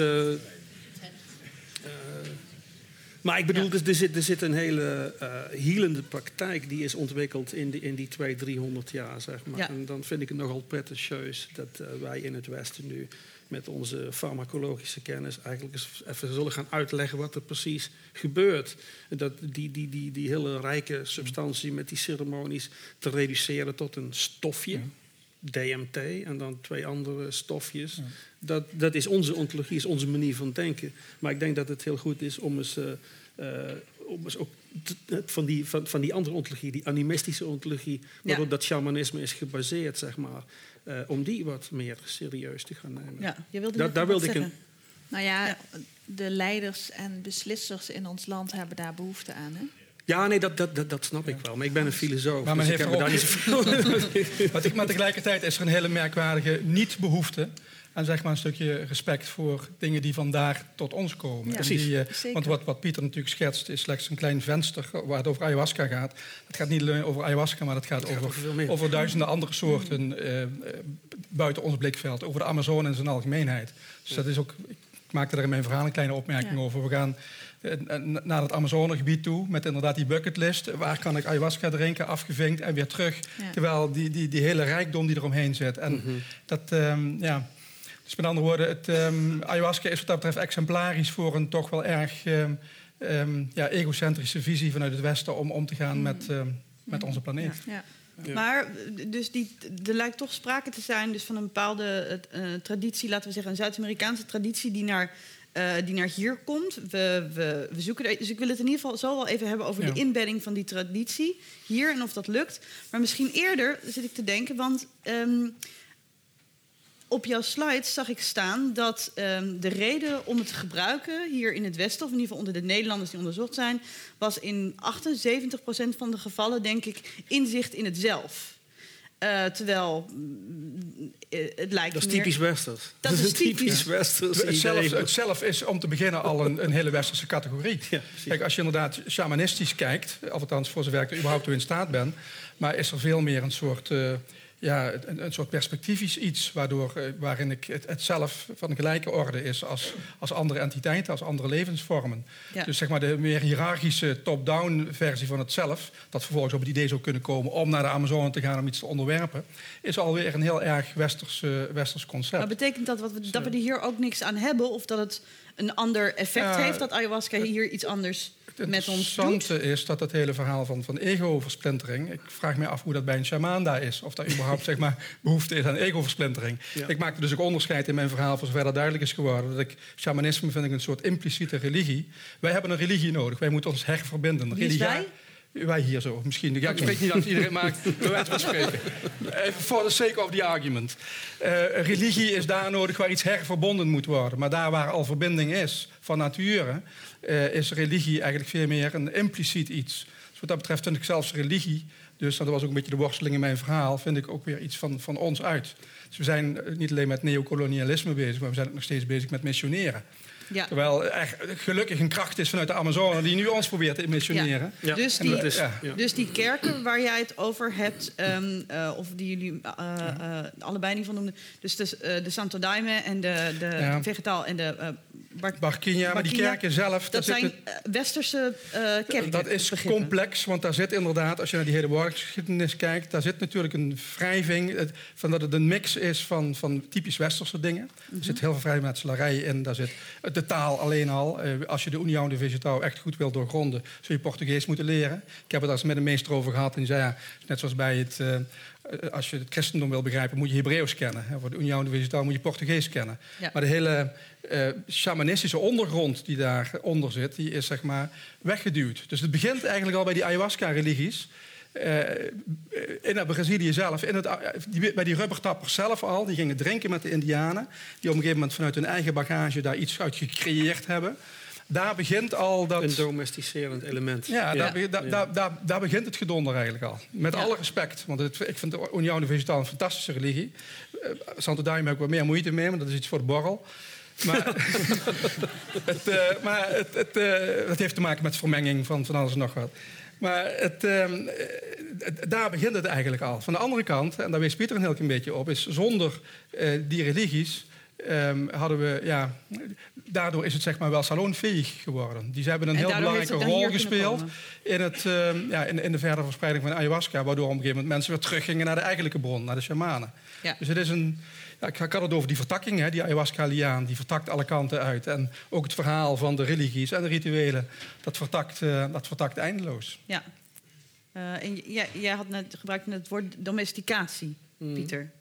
Wil je ja, die idee, die, idee toch, eh, die, die christelijke kerken, de Santo Daime, Uniago de Vegetal, er is toch een soort, eh, er zit een beschavend element in. De idee is toch Mhm. dat het, eh, dat, ja, Het controleerbaar De- de- de- is tussen acht en kwart de- over twaalf. Dat Ja, is natuurlijk een... eh, de heropstanding van Christus eh, in het oerwoud en de ayahuasca is, ook, is ook anders.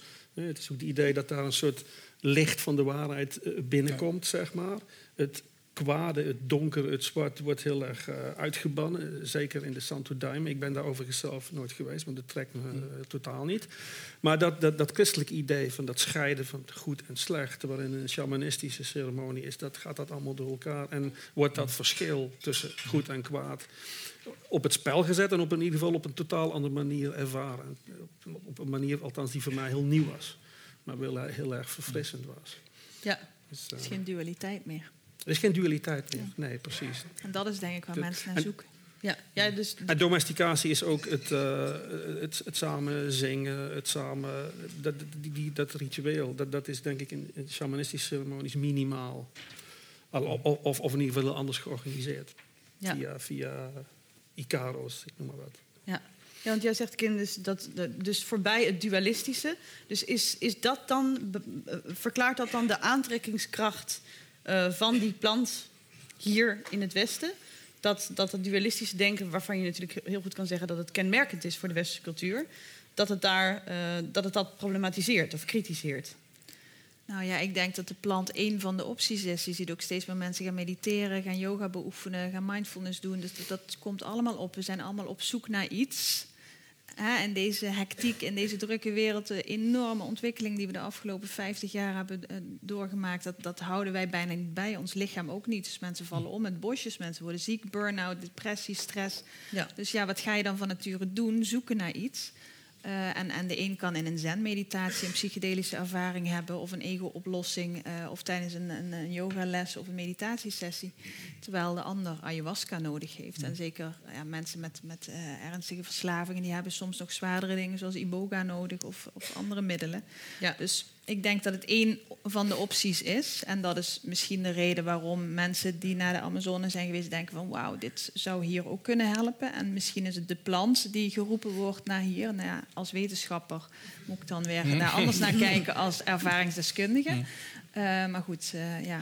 Dus ja. Maar is dat dan, stel, zou je dan kunnen zeggen dat het op een bepaalde manier dat die plant um, hier instrumenteel wordt ingezet om zin te geven? Of ga je dan, of uh, ga, ga ik Ja. wat te ver? Ja, ik, ik geloof dus, ik heb af en toe heel erg de indruk dat het toch kan dat langzamerhand de intelligentie is van de plant die ons gebruikt. Ik kom ook steeds eh, bijna een soort marxistische benadering. Hè. Als je marxistisch kijkt naar... Oh ja. Ja, de, de briljante inzicht van Marx was natuurlijk dat wij niet met- bezig zijn met geld, maar geld gebruikt ons om zich te verspreiden. Wij Ja. zijn zeg maar vehikels om het kapitaal, eh, om dat zeg maar tot, tot, tot ontwikkeling te brengen, te doen groeien. En eenzelfde soort dialectiek, eh, omgekeerd iets, zie je, heb ik, indruk heb ik ook bij ayahuasca. Dat op je, als je op dit moment ziet hoe snel die ayahuasca zich aan het verspreiden is over de, over de, over de, over de aardbol. En, en wat het overal eh, teweeg brengt. En hoeveel wonderverhalen dat we horen. We hadden het in de voorbespreking erover. Van talloze verhalen van mensen die in één keer inderdaad verlost worden van depressies. Of eh, ik ken iemand die geen reukvermogen meer had door een ongeluk. En onder, onder invloed van ayahuasca in één keer weer kan ruiken. En mensen die inderdaad helemaal eh, weer eh, een- een nieuw pad in hun leven vinden. Dus dat hele verhaal. Dat, ja, dat is natuurlijk, ayahuasca is gewoon met een fantastische marketingcampagne bezig op de een of andere manier. Ja, ja, ja. En, eh, Ja, dat vind ik- en dat vind ik- en dat vind ik op een of andere manier, want ik geloof, ik ben ook heel erg van Newton. Hè, van Newton ik, eh, hypotheses verzin ik niet, maar, dit is, maar ik, ik zie het gebeuren en daar zit ook iets heel troostrijks in. Maar, ik, we denken wel eens van als, als, als filosofen van Heidegger, je hebt het over Heidegger, die zegt van God, alleen een God kan ons nog redden. Alleen zeg maar een soort verticale interventie, loodrecht van boven, eh, Levina, kan ons nog redden. En ayahuasca is op een of andere manier is zo'n knoem, is zo'n bliksemschicht die inderdaad, wat dat betreft gaat het dus ook veel verder dan die individuele heling. Maar het is dus Zo, ja. op een of andere manier is er een soort totale ayahuasca mobielmachung. Is er eh, over de, over de, over de aardkloot aan het verspreiden. En dat vind ik, en dat vind ik een enorm. Daar gaat mijn roman De, de Shaman van Sevilla, waar dus op een gegeven moment eh, de president van de Verenigde Staten, overigens geen Trump, op een gegeven moment aan- de ayahuasca gaat eh, op, een, op een hele maffe manier. Omdat hij namelijk heeft gehoord dat de zoon van Columbus, Fernando, had een ander continent ontdekt. En dat hebben wij hier zeg maar weggemoffeld. Er was dus nog een ander continent en dat was het continent van Eldorado. Eldorado ging namelijk eigenlijk, als je in al die mythologieën duikt, een beetje Erich van Däniken achter, dan kom je uit bij de gedachte van dat goud. En het, zeg maar, bij de alchemisten, het goud was natuurlijk de ziel. En het veranderen van lood in goud is het veranderen van je eigen leven in, ja, in iets moois, in iets waardevols. Dat is ook waar ayahuasca over gaat. Ja. En eh, met andere woorden, als ik daar zo naar kijk en zo over praat, vind ik het gewoon een waanzinnig troostrijk iets om dat mee te mogen maken. En ook als filosoof iets wat we niet serieus genoeg kunnen nemen, van de ene kant. Aan de andere kant moet er ook altijd een beetje met een knipoog, want ayahuasca zit ook hartstikke vol knipogen. Soms duizend knipogen zo. Dus, eh, Pieter, Ja, wil jij ik vind, ik vind die, die analogie tussen eh, ayahuasca en het kapitaal vind ik wel een beetje grillig. Eh, Maar het is duidelijk, ayahuasca heeft een eigen agency. Daar ben ik absoluut van overtuigd. Ze organiseert communities om zich heen en ze doet iets met ons, absoluut. Maar wat dat voor een agency is, dat, dat, dat, dat weet ik ook niet. Dat is volgens mij ook iets wat we langzaam maar zeker zullen gaan ontdekken. Maar wat ik wel... Maar is eh, dat dan wat- ook wat jij wel eens het, het subversieve van de het, ayahuasca ja, het is genoemd? subversief en dat, dat, dat, dat is wat ik graag wil benadrukken. Kijk, het reduceren tot een wondermiddel tegen depressie, eh, begrepen als iets individueels, ja, ik vind dat kwalijk. Ik bedoel, eh, wie, wie er eigenlijk depressief is, is onze samenleving. En, en, en eh, al die individuen zijn daar eerder het slachtoffer van. Dus wat mij betreft, eh, wat ayahuasca met ons moet doen, is nadenken over hoe wij hier eh, onze samenleving hebben georganiseerd. Het is natuurlijk wat, wel mooi dat het, dat, dat, dat het helpt tegen ayahuasca, maar het is nog veel belangrijker dat het ons... Tegen eh, depressie bedoel je? Dat het helpt Soort- tegen depressie. Het is belangrijk dat Tegen het helpt maatschappelijke tegen de- depressie. Ja. Maar te- tegen, tegen depressie. Maar het is belangrijk dat, dat het, dat het ons, onze manier van leven eh, radicaal in vraag stelt. Dat is volgens mij de belangrijkste subversieve potentie van ayahuasca. Ja. Soort Wat mij cultuur- betreft. Cultuurkritisch. eh, Ja, een cultuurkritisch instrument. medicijn. Ja, ja. En een heel fundamenteel cultuurkritisch medicijn. Want ik denk dat het echt, ik denk dat het echt nodig is. Ik denk dat we, dat we echt heel erg wakker geschud moeten worden. Dat ayahuasca een van de medicijnen is die dat vermogen in zich heeft. Daar ben ik heilig van overtuigd. En dat zie ik veel minder bij andere eh, therapeutische opties. In ieder Ja, geval niet bij gedragstherapie, ik noem maar wat. Nee, maar Ja. het mooie is, ayahuasca gaat natuurlijk... ehm, ik heb voor mijn boek, toen ik, ik- toen ik ayahuasca leerde kennen... Het was, het was überhaupt de allereerste keer dat ik een, een substantie nam. Want ik had helemaal niks met middelen of zo. En ik ben daarna wat vergelijkend warenonderzoek gaan doen. Dus een- ik, dacht, ja, ik dacht, als je een, boek, een serieus boek over ayahuasca wil schrijven... dan moet je toch wat andere middelen Zeker. uitproberen. Ja. En ja. eh, dat heeft mij toch heel erg gesterkt in de, in de, in de, eh, in de ervaring dat ayahuasca eigenlijk heel... eh, Het is gewoon die spiegel, maar dan niet narcistisch. Het gaat gewoon helemaal over jezelf. Ja. Is daar waar je met veel andere middelen een soort film krijgt. Dat kan, op een gegeven moment gaat het ook over jezelf. Maar eh, is het echt iets wat gewoon helemaal puur gaat over jezelf, je plek in de wereld. ehm, eh, op die niet-narcistische manier. En dat is een, een, een, de, de, de, het geheugen, de herinnering, maar ook zeg maar, de herinnering van de aarde als zodanig. Eh, is een hele belangrijke categorie.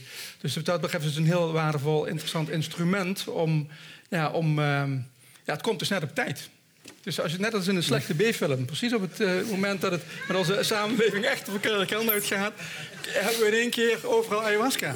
ja. En dat, eh, ja. Ik ben, ik ben benieuwd of u er ook allemaal zo over denkt. Ayahuasca to rescue. Ja, ik wil jullie enorm bedanken dat jullie ons mee hebben genomen. Vanavond een groot deel van u wist er al van. Een ander deel van eh, heeft er nu een beeld bij, maar zal het nog altijd een keer moeten meemaken of niet. Ehm, ik wil u hartelijk danken dat u er was en voor uw aandacht. En natuurlijk ook voor onze sprekers. Kim van Oorzaal, Pieter Lemmens, Grote Gerrit.